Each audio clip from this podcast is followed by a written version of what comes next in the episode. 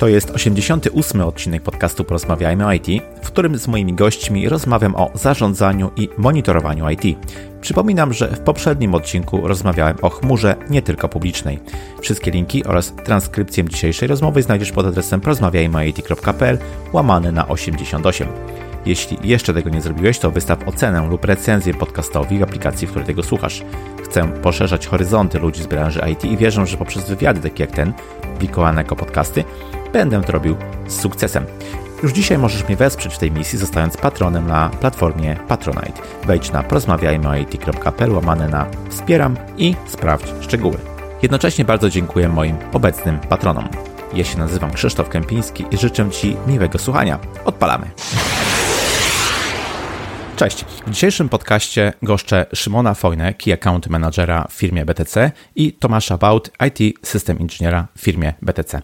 A z Szymonem i Tomaszem będę dzisiaj rozmawiał o zarządzaniu i monitorowaniu infrastruktury IT. Szymon, Tomasz, bardzo miło mi gościć Was w podcaście. Bardzo nam miło, witamy. Cześć. Ja zawsze na początku pytam moich gości o to, czy słuchają podcastów. Jeśli tak, to jakich najczęściej? W związku z tym Was też oczywiście o to nie mogę nie zapytać. Mm, tak, jak najbardziej. Ja słucham podcastów. Y, jest to jedna z moich ulubionych form przyswajania y, wielu informacji, z tego względu, że jest bardzo komfortowa w odbiorze. Jadąc samochodem, hmm. dużo w tamtym roku miałem okazję pojeździć po Polsce właśnie ze względu na, y, na specyfikę swojej pracy. No i jadąc do Krakowa, tak, ze Szczecina jest to 7 godzin, byłem w stanie przesłuchać naprawdę wielu podcastów i przy tym cały czas zachowywać czujność podczas kierowania pojazdem. I z takich podcastów, które naprawdę lubię słuchać, y, to na pewno 7 metrów pod ziemią. Polecam jak najbardziej. Nie wiem, czy mhm. możemy robić reklamę, to jest moje pytanie tutaj. Jak najbardziej, tak? oczywiście. Y, bardzo tak, lubię i polecam 7 metrów pod ziemią. Y, Patryk Gębura, świetne podcasty na bardzo ciekawe i mhm. życiowe tematy. Podczas tutaj wyborów prezydenckich gdzieś przewinął mi się Karol Paciorek i jego podcasty też mhm. y, zacząłem przesłuchiwać. Y, I tutaj może wydać się to troszkę śmieszne, lecz zaraziła mnie tym moja partnerka, y, Tłokuniewska. Taki podcast mhm. bardziej kobiecy, ale myślę, że warto zwrócić na niego uwagę, ponieważ y, ciekawych rzeczy można się dowiedzieć. O życiu, o tym, jak się żyje za granicą i o tym, za czym tęsknią mhm. Polacy, kiedy wracają tutaj w swoje rejony. Ja muszę przyznać, że nie jestem wielkim fanem e, tej e, formy akurat przyswajania wiedzy, jednak e, wydaje mi się, że tutaj w natłoku ostatnich e, prac, jakie wykonujemy w firmie, będę musiał się do tego przyzwyczaić czy, czy odnaleźć w tym świecie. Mhm. Jest to na pewno wygodna forma przyswajania nowej wiedzy, czy w ogóle dowiadywania się o nowych rzeczach, więc na pewno tutaj postaram się jakieś ciekawe podcasty znaleźć i je przesłuchiwać. Fajnie, to dziękuję bardzo za, za odpowiedź, dzięki za rekomendacje.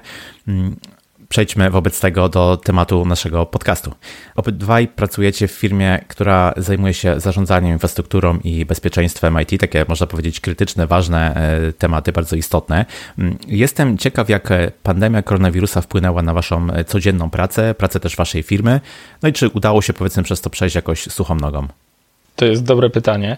Y, myślę, że przeszliśmy przez to suchą nogą, z tego względu, że, że tak powiem, y, z faktu, iż jesteśmy firmą IT, tak, y, która jest producentem oprogramowania do zdalnego zarządzania infrastrukturą, byliśmy w nie wyposażeni od mhm. samego początku, więc przejście w ten mhm. tryb pracy zdalnej to tak naprawdę była kwestia kilku godzin. Myślę, że za chwilę Tomasz jako administrator mhm. opowie, jak to wyglądało z ich strony, jednak nie był to żaden problem. Ja przyznam szczerze, że pamiętam, wróciłem właśnie chyba z Warszawy, przyszedłem do firmy następnego dnia, mieliśmy spotkanie, usłyszałem, że od jutra zaczynamy tryb pracy zdalnej. Mhm. Wyszedłem z komputerem, następnego dnia już pracowałem y, zdalnie, a ze względu na specyfikę naszej pracy, czyli fakt, że no, kontaktujemy się z klientami zdalnie, łączymy się właśnie za pomocą y, aplikacji, y, czy też przy, no, z, łączymy się przez internet, tak, łączymy się zdalnie z naszymi mhm. klientami. Nie było to problemem ja osobiście tego nie odczułem. Mniej się spotykałem, bo przestałem się spotykać z klientami, raczej wszystko było w formie właśnie telekonferencji. Jasne. Tak jak powiedział Szymon, jakby z perspektywy naszej firmy przejście na pracę zdalną nie było trudne. My od zawsze e, na wszystkich swoich komputerach mieliśmy już wdrożony system Audytor.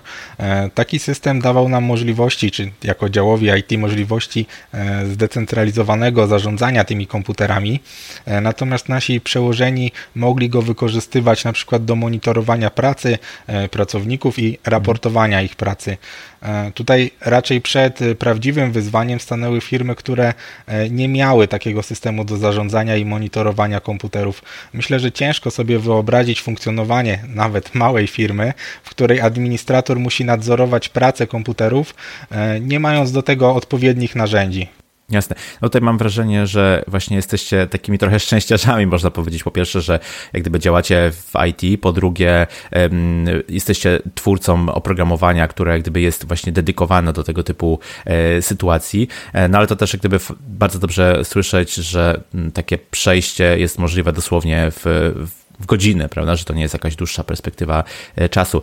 Mm, natomiast e, no, ja obserwuję, że coraz więcej firm e, albo jest zmuszona przechodzić na pracę zdalną, albo wręcz jak gdyby twierdzi, że to jest pewna przewaga konkurencyjna albo możliwość rozwoju, w każdym razie dąży albo zmienia ten tryb pracy na bardziej zdalny. Mm, no i rodzi to oczywiście wiele wyzwań, jeśli chodzi właśnie o zarządzanie komputerami, pracownikami, no już o bezpieczeństwie nawet nie wspomnę. W związku z tym e, pytanie do Was, jak monitorować komputery i, i też pracowników e, w takim właśnie trybie pracy e, zdalnym, jakie narzędzia można by było do tego użyć? No tutaj jak najbardziej będziemy polecali nasze narzędzie, jakim jest system e-audytor, teraz w wersji mhm. siódmej, który pozwala na naprawdę wiele, bo instalując końcówkę na komputerze, tutaj o architekturze myślę nie będę y, zabierał głosu, Tomasz więc na ten temat powie. Natomiast mhm. instalujemy końcówkę na komputerze i ta końcówka zgodnie z określoną przez konfiguracją przez administratora zbiera naprawdę wiele danych. Możemy monitorować aktywność użytkownika w konkretnych aplikacjach, jego czas logowania, wylogowania, y, odwiedzane strony, a przy tym też zabezpieczać tę organizację. Tutaj tak jak powiedziałeś mhm. wcześniej, to generuje też duże oszczędności, bo mm, już pomijam fakt, że nie musimy utrzymywać biura, tak? Nie musimy w momencie, kiedy przychodzimy w tryb tak. pracy zdalnej, e, ale w momencie, kiedy zarządzamy tym wszystkim, nie robi tego 10 osób, które siedzi, analizuje, tak, Excele, które mhm. były w jakiś sposób tam budowane, e, tylko mają wszystko w jednym programie, eksportują plik bądź generują raport i wszystko mają czarno na białym przedstawione w jednym miejscu. I tutaj to, co powiedziałeś w przypadku tej pracy zdalnej, tego typu systemy, co było dla mnie ogromnym zaskoczeniem, kiedy cała pandemia się zaczęła, y, zaczęliśmy wdrażać właśnie y, tego typu rozwiązania. Wiele osób otworzyło dopiero oczy, że takie oprogramowanie istnieje, że można w ten sposób zarządzać. I dla mnie było szokiem, że mamy 2020 rok, a ludzie cały czas pracują na Excelach i tam prowadzą ewidencję wszystkich urządzeń, inwentaryzację, więc no, no to jest duży plus. Dokładnie tak jak mhm. powiedział Szymon, tak naprawdę audytor daje e, możliwości zautomatyzowania wielu działań. Tutaj e, mówimy e, dzisiaj tylko o zarządzaniu tymi komputerami, ale to jest nie tylko zarządzanie. Tutaj możemy te komputery inwentaryzować, udzielać pomocy zdalnej naszym pracownikom. Tutaj możemy ten system audytor rozszerzyć o kolejne moduły, jak na przykład Hypervision DLP, który pomoże nam zminimalizować skutki wycieku danych z naszej organizacji. System Helpdesk który będzie na pewno pomocny dla każdego działu IT, pomoże w rozwiązywaniu e, tutaj zgłoszonych problemów. Jakby nasz system został stworzony w takiej architekturze, że już e, jakby od początku został wymyślony do wdrożeń chmurowych, czyli tutaj nie jesteśmy ograniczeni tylko do jakiejś tam e, struktury firmy, ale możemy działać już w takich środowiskach bardzo rozproszonych. Nic nie jest tak naprawdę dla nas tutaj przeszkodą w takim wdrożeniu. Możemy wysyłać pracowników każde miejsce, monitorować ich, pomagać im za pomocą e, na przykład zdalnego pulpitu, zdalnego terminalu, czy na przykład dostępu do plików. A mogę jeszcze jedną rzecz tutaj dołożyć o ciebie? Oczywiście, proszę bardzo. To o tych monitoringach. E, ja tutaj spotkałem się z ciekawą rzeczą, z tego względu, że robiąc wdrożenie, usłyszałem od y, właśnie nie administratora IT, a od dyrektora, prezesa organizacji, który powiedział, że bardzo mu zależy właśnie na monitorowaniu pracowników, ale ze względu na to, żeby motywować ich do pracy. I ja tutaj mówię, no rzeczywiście, mhm. świetny sposób, tak, można wyciągać konsekwencje. On mówi, nie, nie, ja chcę generować dla nich raporty, żeby oni motywowali siebie nawzajem. Ja mówię, rzeczywiście mhm. ciekawe rozwiązanie. On mówi, i wcale nie będę tego robił sam, wcale ja tego nie będę robił, oni to będą robili sami. Ja będę udostępniał im raporty, A wiadomo, jacy są ludzie, lubią się porównywać. Będą zestawiali raporty ze swoimi wynikami, ile czasu kto spędził w jakiejś aplikacji, która jest produktywna, ile czasu kto odwiedzał strony. I mówi, sami siebie nawzajem będą napędzać i myślę, że to też jest ciekawe rozwiązanie y, przy użyciu tego typu systemu, czy to w pracy zdalnej, czy też lokalnie. Ja myślę, że wdrożenie, ciekawe. o którym tutaj powiedział Szymon, jest na pewno bardzo ciekawe. E, pamiętajmy też, że e, jakby system audytor daje takie możliwości, które mm, nie wymagają nawet wysyłania tych raportów przez przełożonego. Ci e, użytkownicy mieliby możliwość logowania się do takiego systemu i przeglądania swoich danych, więc tutaj nawet bez jakiegokolwiek nadzorowania ze strony tego przełożonego, użytkownicy mogą po prostu sobie przeglądać dane o wykorzystaniu na przykład przez siebie oprogramowania, o czasie pracy, co też na pewno jest bardzo fajne. No każdy by chciał wiedzieć, ile e, czasu spędził w swojej pracy.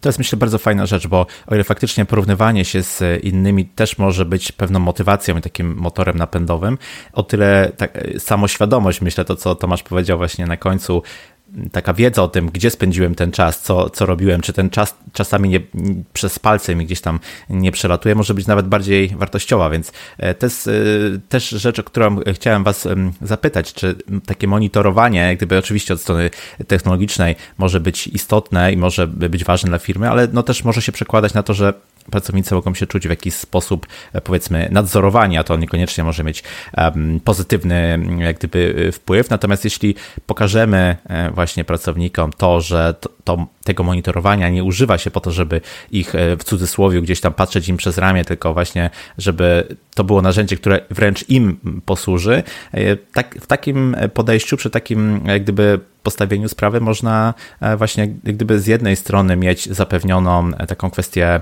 e, i technologii, czyli jak gdyby mm, tego wglądu, a z drugiej strony też pewne dodatkowe narzędzie dla tych ludzi, którzy na co dzień jak gdyby pracują, którzy też będą wiedzieli po prostu jak gdyby gdzie ten czas został spożytkowany. Także myślę, że to może być tak wykorzystane dwojako. Tak, to prawda. Wiem, że jako BTC w temacie monitorowania pracy zdalnej wykorzystujecie też popularny ostatnio machine learning. E, no i właśnie chciałbym Was zapytać w tym temacie, w jakich obszarach, w jaki sposób wykorzystujecie ML? Machine learning wykorzystujemy w bardzo wielu obszarach, jeżeli chodzi o nasz system. E, można powiedzieć, że jesteśmy pionierem, jeżeli chodzi o wdrożenie tego typu rozwiązania na polskim rynku. Machine Learning daje naszym klientom bardzo wiele możliwości. Jedną z nich jest na przykład blokowanie stron www, czyli blokowanie stron internetowych właśnie e, w oparciu o jego działanie. E, tutaj możemy założyć na przykład, że informatyk ma zablokować w swojej firmie dostęp do pornografii. E, w przypadku ręcznego blokowania byłoby to prawdopodobnie niemożliwe, no i skończyłoby się na góra kilkuset najpopularniejszych stronach. W przypadku e, blokowania stron z wykorzystaniem właśnie audytora, który e, tutaj wykorzystuje do tego e, machine learning, zostaje zablokowana konkretna kategoria. Załóżmy, że użytkownik wejdzie na taką stronę, która w wyniku działania naszych algorytmów zostanie sklasyfikowana jako pornografia to taka strona zostanie właśnie zablokowana. E, I w wyniku działania naszego systemu zostało już skategoryzowanych prawie 8 e, milionów stron, ale jeżeli e, taka strona nie została już przez nas skategoryzowana, to w momencie, kiedy użytkownik na nią wejdzie, potrzebujemy dosłownie niecałej sekundy, żeby ją skategoryzować, więc to jest bardzo tutaj szybki proces. Cały proces odbywa się w naszym data center i to pozwala użytkownikom e, na wykorzystanie machine learningu już bez obciążania własnej infrastruktury. No tu na pewno każdy z naszych słuchaczy e, wie, że do e, przeprowadzenia wszystkich tych procesów potrzebna jest bardzo duża moc obliczeniowa. Dlatego tutaj postanowiliśmy wziąć to na siebie i dać użytkownikom po prostu dostęp do tych możliwości e, bez wymuszania na nich e, jakby tutaj budowania własnych data center, które im to dostarczą. E, I tutaj Pozostając jeszcze w kontekście tych stron e, internetowych, chciałbym dokładniej opowiedzieć, co audytor nam daje. E, czyli sam mhm. audytor, poza już kategoryzacją danej strony, pozwoli nam też na dostarczenie e, informacji, na przykład danemu administratorowi, czy dana strona jest bezpieczna. I takie badanie bezpieczeństwa strony jest realizowane na przykład przez analizę jej struktury, analizę jej kategorii i sprawdzeniu, czy na przykład dana strona zawiera certyfikat SSL, przekierowania lub została skategoryzowana jako hazardowa. Więc tutaj zauważ, że przeprowadzamy bardzo wiele analiz, jest wykorzystywanych bardzo wiele algorytmów, żeby ten końcowy tutaj wynik otrzymać. Więc wydaje mi się, że jest to bardzo bezpieczne, a na pewno jest bardzo szybkie i skuteczne w działaniu. Jeśli mogę jeszcze coś dodać od siebie, no to ja cały czas będę nawiązywał do tego raportowania, e, ale chciałem powiedzieć tutaj o tym, że jest to wygodne, bo dawniej jeszcze, zanim machine learning się u nas pojawił, pamiętam sytuację, gdzie administrator dzwonił do mnie i panie Szymonie, chcę wygenerować wszystkie strony, załóżmy z kategorii rozrywka te kategorie były nadawane ręcznie. I tutaj podałem kategorię rozrywka, mm. ale e, gdzieś tam z tyłu myślałem o pornografii, bo przypomina mi się taka sytuacja, kiedy mm. klient do mnie powiedział, znam wiele stron, ale to wciąż nie wszystkie. dlatego, dlatego myślę, że tutaj tych, tej bazy stron, które zbudował y, machine learning, no ciężko, ciężko będzie zastąpić, że tak powiem, manualnie. Y, I bardzo wygodne jest to, że możemy sobie wyeksportować, tak? Wyeksportować gotowy raport mhm. odnośnie odwiedzanej na przykład kategorii rozrywka. Filtrujemy po użytkowników, filtrujemy po kategorii, jest gotowy raport, jacy użytkownicy, jaki użytkownik, kiedy odwiedzał strony z kategorii rozrywka.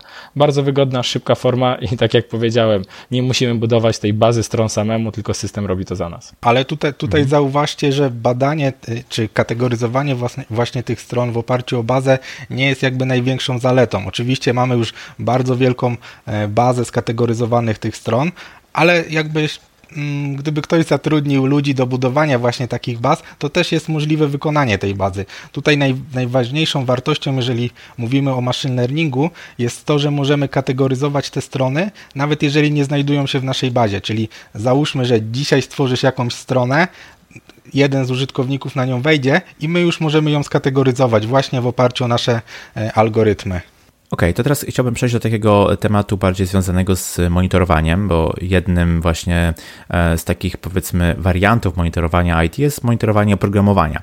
I chcę Was zapytać, jakie konkretne e, czynniki czy działania właśnie sprawdza się w tym temacie monitorowania oprogramowania, co tutaj się w ogóle e, mierzy, co się monitoruje? Tutaj nie skłamię, jeśli. No, może tak, monitorować można naprawdę dużo, bo możemy monitorować fakt, sam fakt, że użytkownik uruchomił dany proces, a co za tym idzie daną aplikację, kiedy to zrobił, ile czasu ta aplikacja była uruchomiona, ale co ciekawe, jeszcze ciekawsze moim zdaniem, możemy monitorować nawet to, ile czasu był w tej aplikacji aktywny. Czyli bardzo tak obrazując, tak, uruchamiam y, Excela, i mam go uruchomionego na swoim komputerze, załóżmy przez godzinę czasu. I mówię swojemu pracodawcy, tak, przez godzinę pracowałem w Excelu, a on z wykorzystaniem systemu Auditor może zweryfikować, ile rzeczywiście użytkownik był aktywny w tym Excelu, czyli ile czasu coś w nim klikał, tak, coś wpisywał, a nie Excel był po prostu uruchomiony, ale był zminimalizowany. I w systemie jest to przedstawione jasno, tak, przez 20% użytkownik korzystał z tego programu efektywnie, a przez pozostałe 80% ten program był uruchomiony, ale nic w nim nie robił, był gdzieś zminimalizowany. Co myślę, że jest bardzo jasną i bardzo przydatną informacją, bo przykładem może być tak tego, że miałem komputer uruchomiony. Komputer był uruchomiony do godziny 24 ale ważne jest to, czy ja na tym komputerze aktywnie pracowałem. Mm. I to, ta aktywność jest właśnie y, monitorowana pod względem używanych aplikacji na tym komputerze. Widać, czy coś na nim robiłem, czy po prostu ten komputer był y, uruchomiony. Więc to, to, to myślę, że jest bardzo, y, bardzo wygodne. I tutaj chciałbym też dodać, że już niebawem pojawi się też klasyfikator, tak jak na chwilę obecną machine learning działa w przypadku stron www, to też zacznie klasyfikować uruchamiane procesy. Więc y, również w zautomatyzowany sposób będziemy dostawali informacje na temat y, kategorii procesu, który został uruchomiony przez użytkownika. I tutaj te wszystkie niebezpieczne procesy, które użytkownicy uruchamiali, też będą brane pod uwagę bo uważam, że to też jest ważny aspekt, tak? Wszelkiego rodzaju ataki ransomware, które potrafią wyrządzić naprawdę wielką szkodę.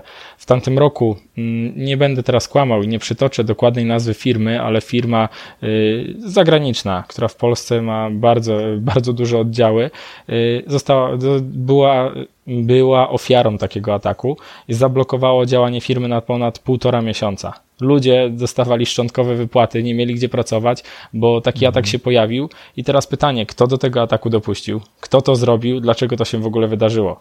A w przypadku wykorzystania takiego systemu logujemy się, widzimy, kiedy ostatni raz był uruchomiony ten niechciany proces, kiedy już się pojawi yy, klasyfikator, będzie informacja, że był to proces niebezpieczny. Widzimy, jaki użytkownik, w jakim dniu, nawet na jakim komputerze ten niechciany proces uruchomił.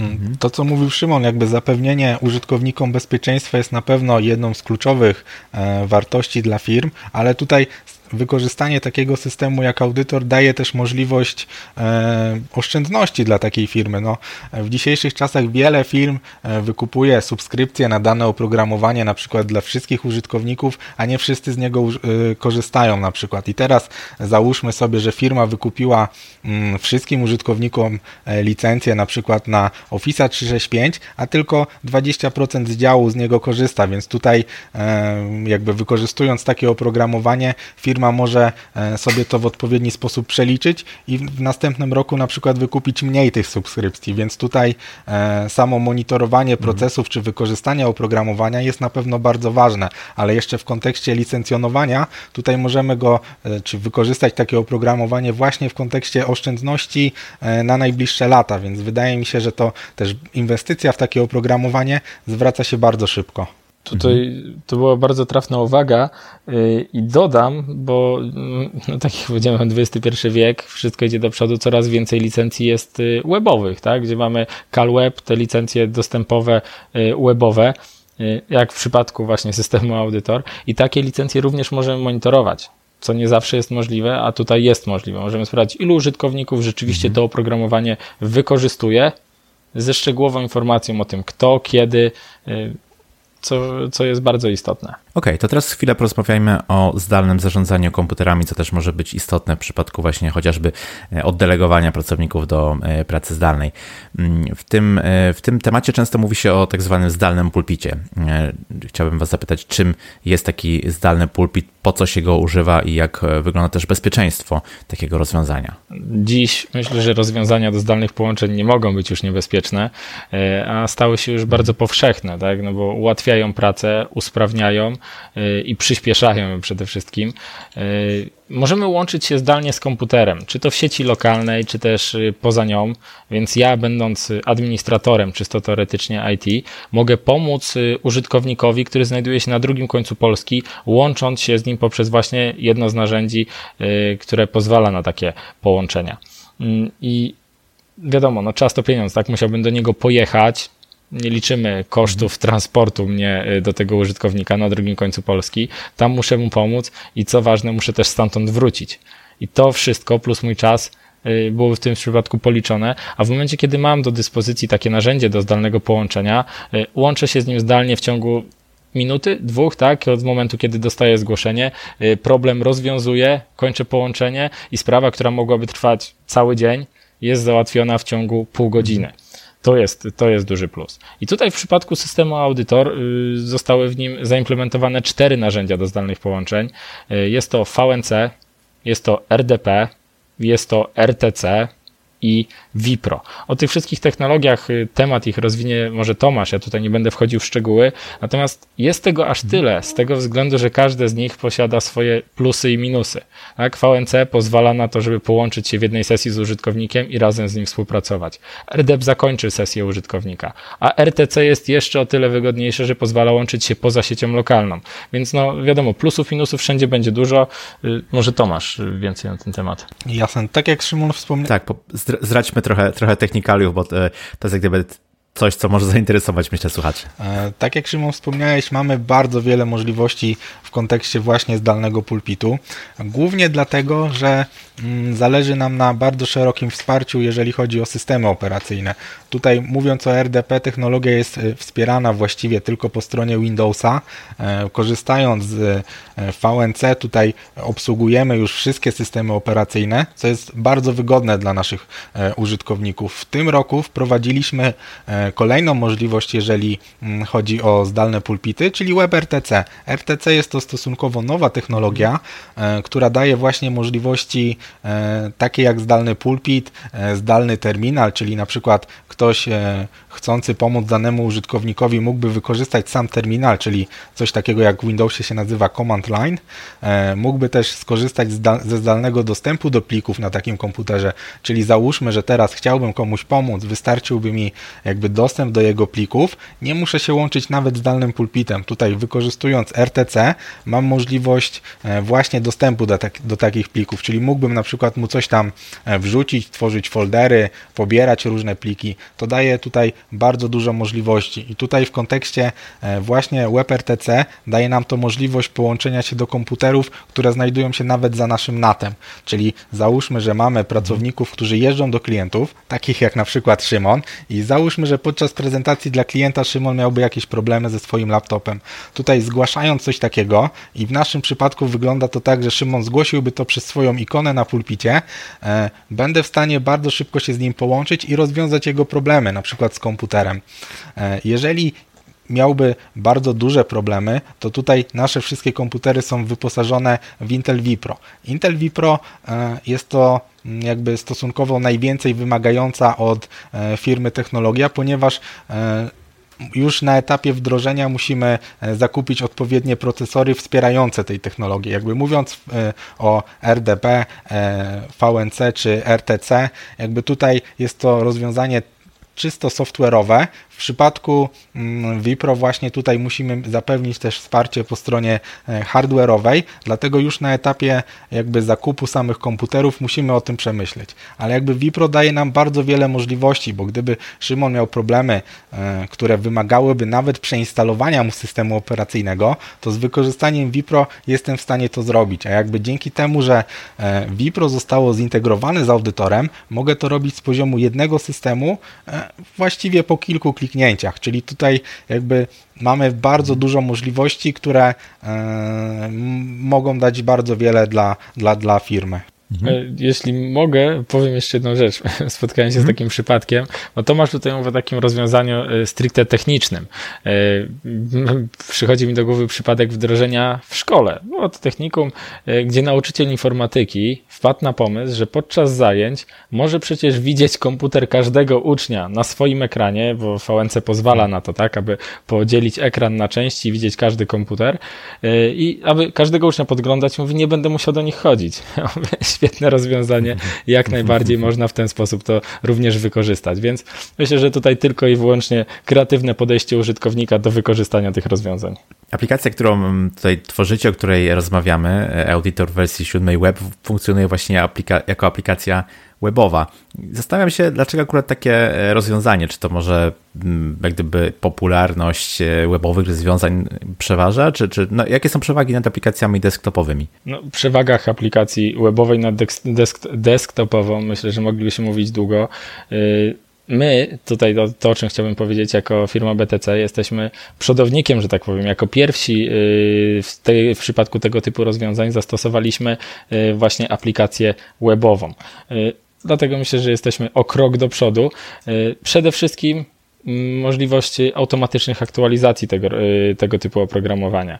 Y, brak instalacji na jakimś konkretnym urządzeniu. Bo w przypadku, kiedy mamy aplikację desktopową, jesteśmy ograniczeni do tego laptopa, do tego komputera, y, na którym została ta aplikacja zainstalowana. W przypadku aplikacji webowej dowolne urządzenie, czy to telefon, czy to laptop, nie jesteśmy uzależnieni od systemu operacyjnego. Ważne, żeby była przeglądarka, w której możemy uruchomić tę, tę aplikację do zarządzania tym systemem. Na pewno jest to bezpieczniejsze rozwiązanie, tak? bo tutaj y, w przypadku aplikacji desktopowej jest większa podatność na wyciek czy też kradzież y, takiego y, urządzenia, na którym ta aplikacja została zainstalowana. Ja tutaj może posłużę się nawet swoim przy, przypadkiem. W tamtym roku, przyznam się szczerze, straciłem dwa telefony. I teraz załóżmy, że ja na tych telefonach miałem taką aplikację, yy, która miała połączenie z bazą danych i tak dalej. Ktoś, kto ma dostęp do mojego telefonu, który straciłem, ma dostęp do wszystkiego. W przypadku, kiedy mówimy o aplikacji mhm. webowej, ja byłem tam tylko w przeglądarce. On nawet jak dostanie mojego tele, do mojego telefonu, to ma dostęp tylko do tego, co jest na tym telefonie. Do aplikacji się nie dostanie, bo była ona webowa. Więc jest naprawdę szereg, yy, szereg yy, zalet tego typu rozwiązania. Może Tomasz, chciałbyś coś dodać do tego wszystkiego? E, jasne, że tak. Tutaj wiele, wiele firm zdecydowało się na właśnie scentralizowanie całego swojego oprogramowania, czyli całe oprogramowanie instalujemy bezpośrednio na serwerze, nie na końcówkach. No tutaj e, przykłady, które powiedział Szymon, są na pewno bardzo dobre, ale jednym z takich e, ciekawszych jest na pewno brak obciążenia końcówek, czyli możemy korzystać z cienkich klientów e, i nasi użytkownicy czy mhm. administratorzy mogą e, właśnie zarządzać tym systemem. Tutaj komputery, na których, czy komputery, czy właściwie wszystkie urządzenia, na których odpalana jest taka konsola, nie muszą jakby być bardzo wydajne. Tutaj kolejną też z zalet, jakie warto wymienić, jest to, że nie jesteśmy uzależnieni od konkretnego e, systemu operacyjnego. No tutaj odpalając naszą konsolę możemy ją odpalić e, właściwie na wszystkim. Jeżeli zdecydujesz się odpalić ją e, na Macu, to nie będziesz miał z tym problemu. Na Windowsie też nie, czy na Linuxie. Jeżeli chciałbyś teraz na przykład wyświetlić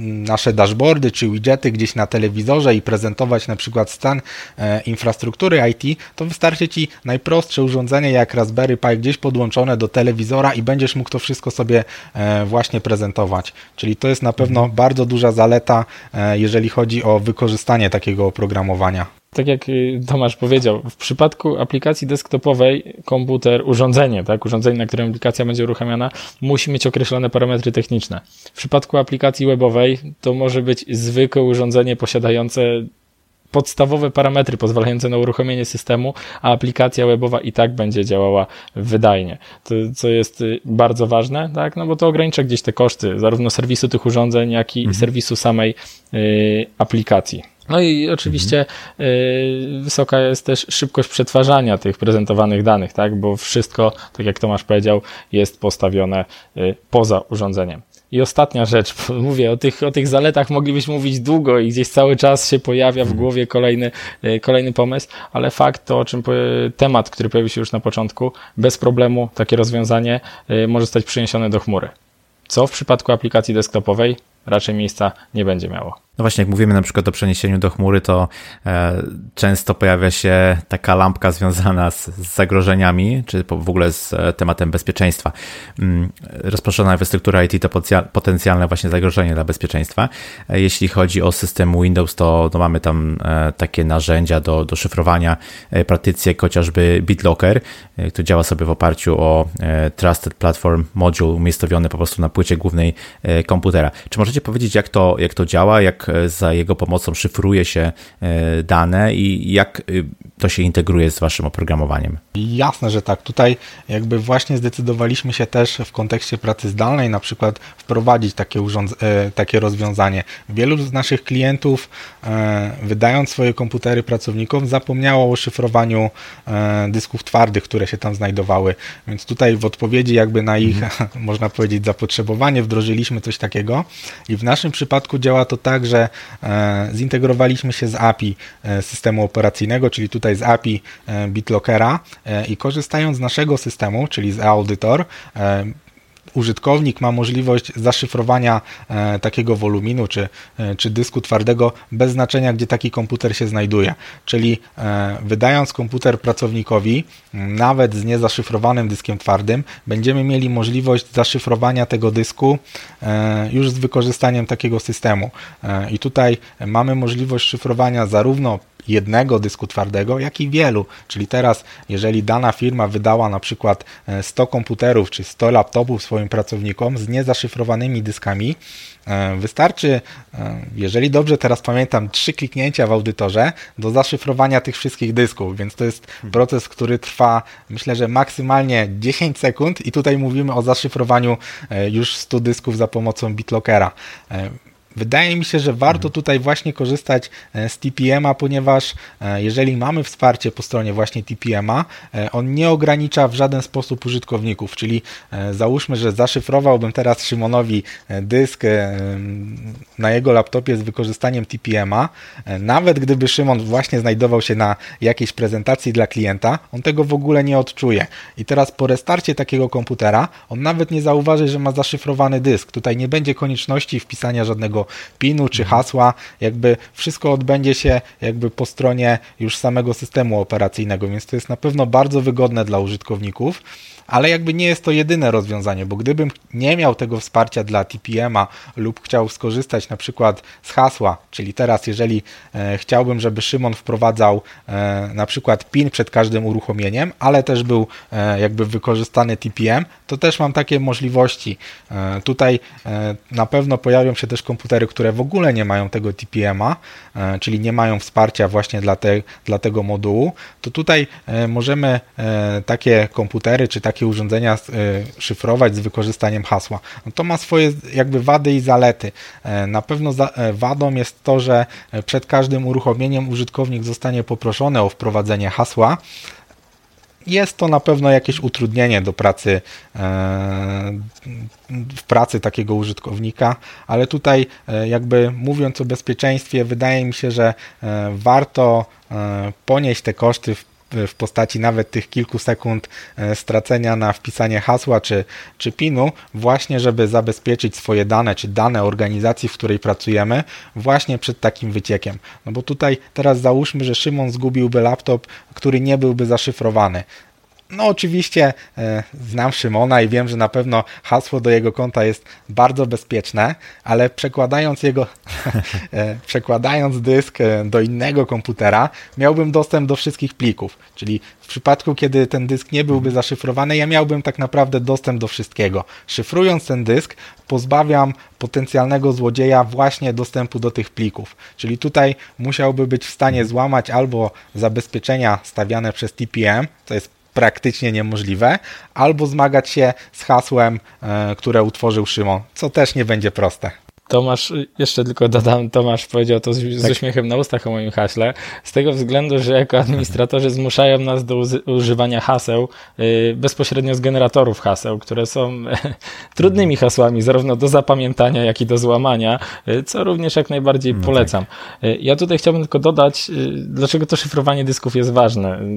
Niedawno, bo kilka dni temu podczas seminarium kolega, który jest u nas specjalistą właśnie od ochrony danych przed wyciekiem, opowiadał opowiadał sytuację, y, która miała dość niedawno miejsce w jednej ze szkół policjalnych, w której właśnie został utracony laptop, na którym były dane z rekrutacji właśnie y, studentów y, na uczelnię. Wyciekło, jeśli się nie mylę, ponad 4000 danych na temat mhm. ponad 4000 osób odnośnie PESELi, odnośnie nawet numerów dowodu, wszystko tam się znalazło. Dysk był po prostu niezaszyfrowany.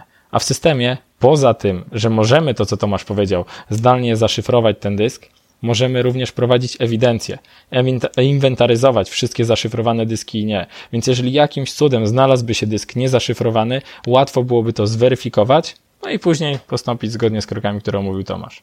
Rozmawiamy tutaj o zarządzaniu e, IT, zarządzaniu infrastrukturą IT. E, no to również można powiedzieć, że inwentaryzacja jest e, elementem takiego zarządzania infrastrukturą. Myślę tutaj zarówno o inwentaryzacji komputerów, plików, jak i też e, oprogramowania, czy tak można powiedzieć kompleksowo. Dlatego pytanie do Was, e, po co wykonuje się w ogóle inwentaryzację i na ile ten proces, co najważniejsze, da się zautomatyzować? No, inwentaryzacja jest bardzo ważnym elementem.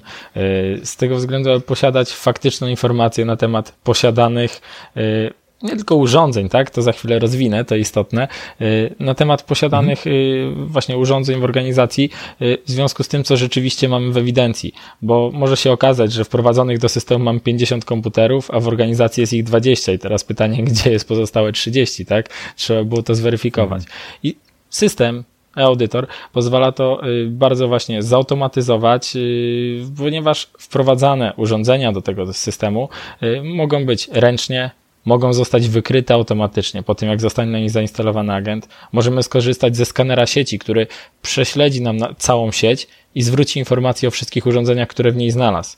Jeśli ktoś, tak jak wcześniej wspomniałem, prowadzi ewidencję tego typu urządzeń w Excelu, jest również narzędzie do importu danych, można te wszystkie urządzenia zaimportować i w łatwy sposób je inwentaryzować. W łatwy sposób z tego względu, że wszystkie kody inwentarzowe, y, czy to kreskowe, czy, czy QR, baza tych kodów jest naprawdę duża, chyba 17 kodów na chwilę obecną, jeśli się nie mylę, y, generują się automatycznie, skanować je możemy nawet za pomocą telefonu, ponieważ jest dedykowana aplikacja do skanowania tych kodów i taki spis z natury przeprowadzać właśnie ręcznie za pomocą tego telefonu. Y, I tutaj powiem tak, no system jest otwarty, na, jeśli chodzi o inwentaryzację. Spotkałem się z y, przykładem użytkownika, który wprowadził do systemu meble. Była to mała szkoła, tak, która nie posiadała mhm. dodatkowego systemu do inwentaryzacji System tego nie ogranicza. Jest dodatkowa pozycja, tak, gdzie można dodać swoje pole, można dowolnie je opisać. On wprowadził sobie meble, bo miał niewiele tych mebli i inwentaryzował je również z poziomu systemu audytor, który mm. służy do zarządzania infrastrukturą IT. Kolejny kreatywny użytkownik. Tak, to prawda. Najbardziej. Dokładnie, tak mhm. tak jak powiedział Szymon, jakby tutaj system jest bardzo elastyczny, jeżeli chodzi o tą inwentaryzację. E, na pytanie, po co to robić, myślę, że każdy powinien odpowiedzieć sobie sam. My jedynie udostępniamy narzędzie, które pozwoli ten proces bardzo przyspieszyć i zautomatyzować, więc e, wydaje mi się, że to są wielkie mhm. korzyści. Okej, okay, powiedzieliśmy tutaj o monitorowaniu oprogramowania, monitorowaniu użytkowników, e, też o inwentaryzacji. Mm, to teraz chciałbym przejść do takich rzeczy, które są najczęściej, powiedzmy, kojarzone gdzieś tam z pracą biurową, taką bardziej tradycyjną pracą biurową, czyli poczta elektroniczna i wydruki. Czy takie rzeczy też bierze się pod uwagę, jeśli mówimy o zarządzaniu czy monitorowaniu? Jeśli tak, to w jaki sposób się do tego powiedzmy zabrać? Jak najbardziej. To są bardzo ważne elementy. Z tego względu, że no, poczta elektroniczna, y, czy też same wydruki y, są po pierwsze źródłem wycieku danych bardzo często bo dane tędy y, lubią wyciekać y, y, przez użytkowników i dodatkowo pozwala to na ewidencjonowanie tego, co się dzieje w organizacji. Mówimy, kto, kiedy wysłał jakiego maila, do kogo. W przypadku wydruków wiemy, jakie wydruki, kiedy, przez kogo zostały, że tak powiem, poczynione. I to mogę powiedzieć, że w okresie świąt nagminne są oczywiście przepisy na ciasta. Pojawiały się nawet prace licencjackie drukowane, co widziałem podczas wdrożeń. Natomiast z zmierzam do tego, że jest to istotne z tego względu, że jest wiele firm, które na przykład y, posiada y, drukarki w leasingu i muszą rozliczać się co miesiąc z ilości wydruków. I w takim przypadku system na to pozwala, bo jest pełen monitoring tego, ile wydruków zostało y, przez takie urządzenia przepuszczone, ile tych wydruków się pojawiło, w tym pełna y, informacja o tym, kto te wydruki y, wypuścił, więc jeśli gdzieś tych wydruków będzie za dużo, można, można pociągnąć pewne osoby do odpowiedzialności. Ale też mogę powiedzieć tutaj otwarcie, że wiele firm po wdrożeniu systemu Audytor zrezygnowało z obiegu właśnie dokumentów w formie papierowej, przynajmniej w tym większym stopniu zdecydowali się na przejście na właśnie e, drogę elektroniczną, bo zobaczyli, jakie koszty generuje właśnie e, drukowanie każdego papierka e, osobno. Bo mm, o tym nie mhm. powiedziałem, ale możemy zdefiniować koszty dla drukarki, dla każdego wydruku, dla kartki A4, dla kartki A5 i w momencie, kiedy widzimy takie koszty zsumowane w skali roku, w skali nawet miesiąca, to dopiero daje to jasną informację na temat tego, ile pieniędzy wydaje się na same wydruki, na same drukarki. Chciałbym też zapytać e, bardziej teraz od strony e, technicznej, e, jak działa wasz auditor i chodzi mi tutaj o funkcjonowanie w modelu właśnie agenta instalowanego na komputerze czy serwerze, o czym powiedzieliście, jak to, jak to działa i jak, jak wygląda taka ogólna, powiedziałbym, architektura tego rozwiązania? E, widzisz, działamy w architekturze klient-serwer, czyli na każdym e, komputerze, który chcemy monitorować mhm. czy inwentaryzować, powinien znaleźć się zainstalowany właśnie taka aplikacja e-agent. Sama aplikacja pracuje w formie usługi i jej działanie jest praktycznie niezauważalne dla użytkownika, czyli e, tutaj nasi, użytkownik, e, mhm. nasi użytkownicy, którzy zostali objęci działaniem tej e, aplikacji, nawet tego nie zauważą. No ona jest gdzieś tam minimalnie zauważalna, jeżeli chodzi o mhm. wykorzystanie zasobów. Natomiast po stronie serwerowej tutaj musimy zainstalować naszą konsolę, serwer, czyli naszą konsolę, czyli właśnie serwer www, bazę danych, w naszym przypadku na razie jest to e, SQL Server, e, gdzie wspieramy wszystkie edycje i wersje. Kolejnym elementem jest e-server. Jest to już komponent, który właśnie odpowiada za komunikację z samymi agentami. I tutaj po już wdrożeniu takiego systemu, gdzie właśnie z naszym klientem staramy się zdefiniować odpowiednią konfigurację, kiedy już ta konfiguracja zostanie zdefiniowana, wysłana do agenta, agent na podstawie takiej konfiguracji będzie wysyłał odpowiednie dane do systemu.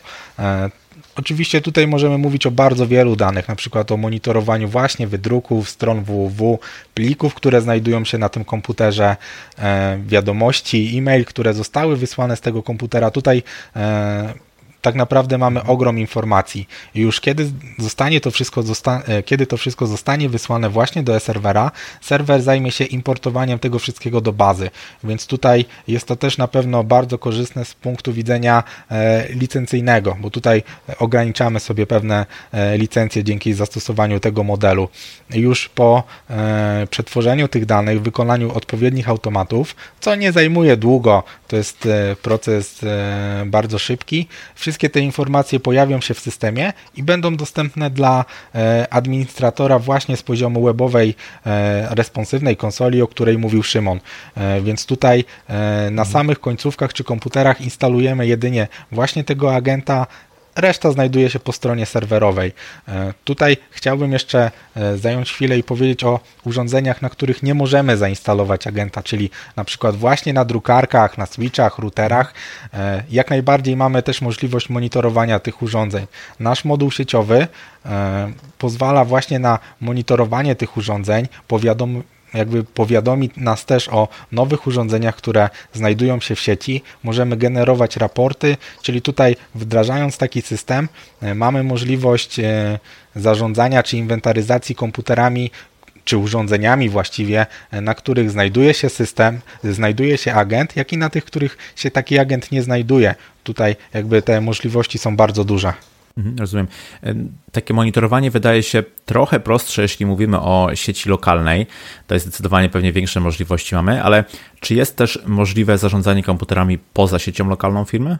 Jak najbardziej, bez problemu możemy to realizować. Jakby po instalacji już e, samego agenta, e, taki agent połączy się do konsoli i będzie wysyłał te dane. Jakby z punktu widzenia naszej infrastruktury nie ma znaczenia, czy agent znajduje się w naszej sieci wewnętrznej, innym oddziale firmy, który jest podłączony na przykład za pomocą e, VPN-a, czy został wydany na przykład pracownikowi do pracy zdalnej i łączy się już z sieci tego pracownika. Jakby te wszystkie komputery zostaną objęte monitorowaniem E, bez żadnego problemu i będą monitorowane właśnie zgodnie z tą e, konfiguracją, która zostanie e, zdefiniowana przez administratora takiego systemu, czy przez administratora wspólnie z naszym wdrożeniowcem, czyli wszystkie komputery możemy monitorować bez znaczenia, gdzie one się znajdują. Tutaj warto jeszcze wymienić, że możemy mhm. monitorować nawet komputery, które w ogóle się nie łączą z naszym systemem, czyli możemy wysyłać takie dane z monitorowania na przykład za pomocą poczty elektronicznej, czyli po prostu wysłać je mailem,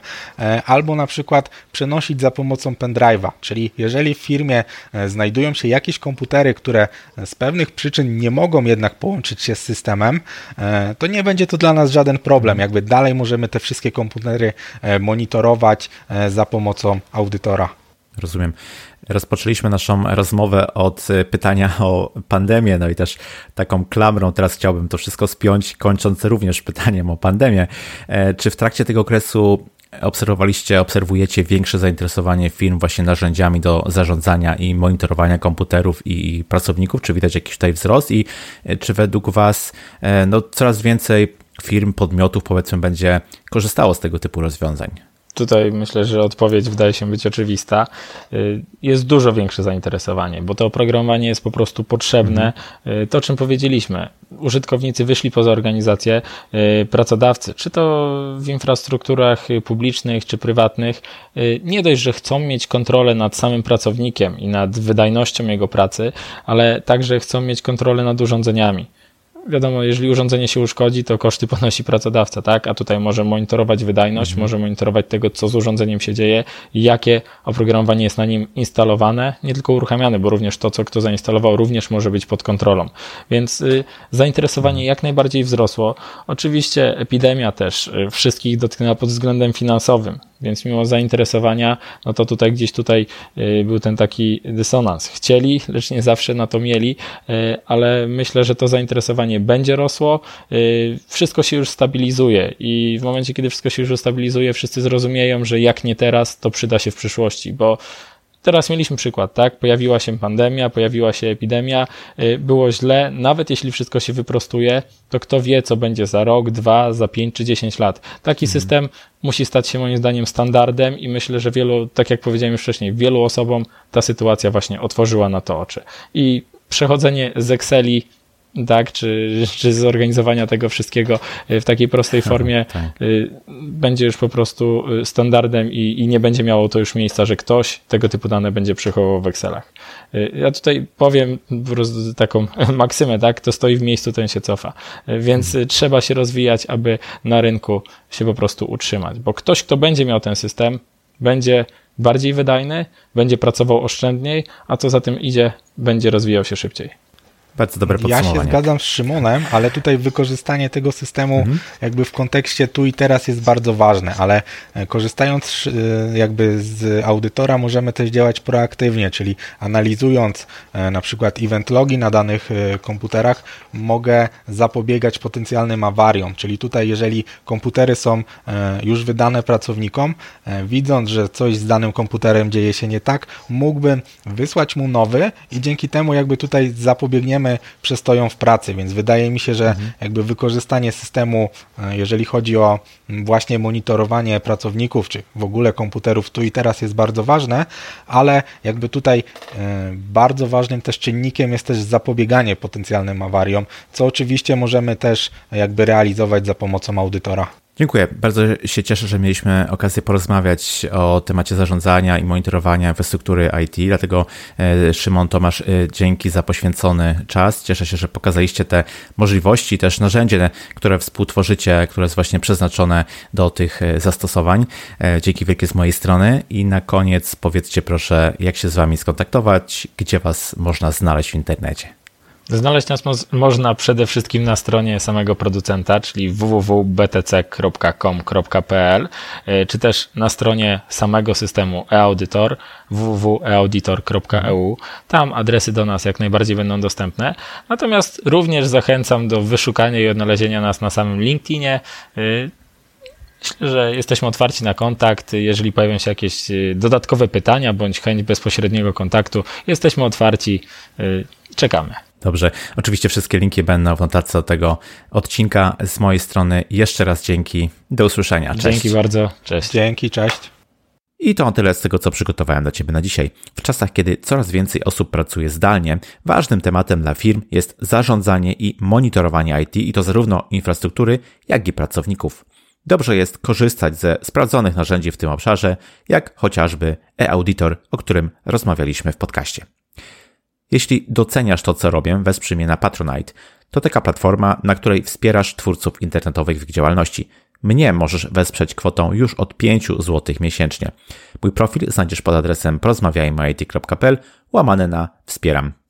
Jeśli masz jakieś pytania, pisz śmiało na krzysztofmałpa porozmawiajmy.it.pl. Jeśli spodobał Ci się ten odcinek i chcesz przegapić kolejnych epizodów podcastu, zasubskrybuj go w swojej aplikacji podcastowej. Jeśli nie wiesz jak to zrobić, wejdź na porozmawiajmy.it.pl łamane na subskrybuj. Ja się nazywam Krzysztof Kępiński, a to był odcinek podcastu Porozmawiajmy IT o zarządzaniu i monitorowaniu infrastruktury IT. Zapraszam do kolejnego odcinka i już za tydzień. Cześć!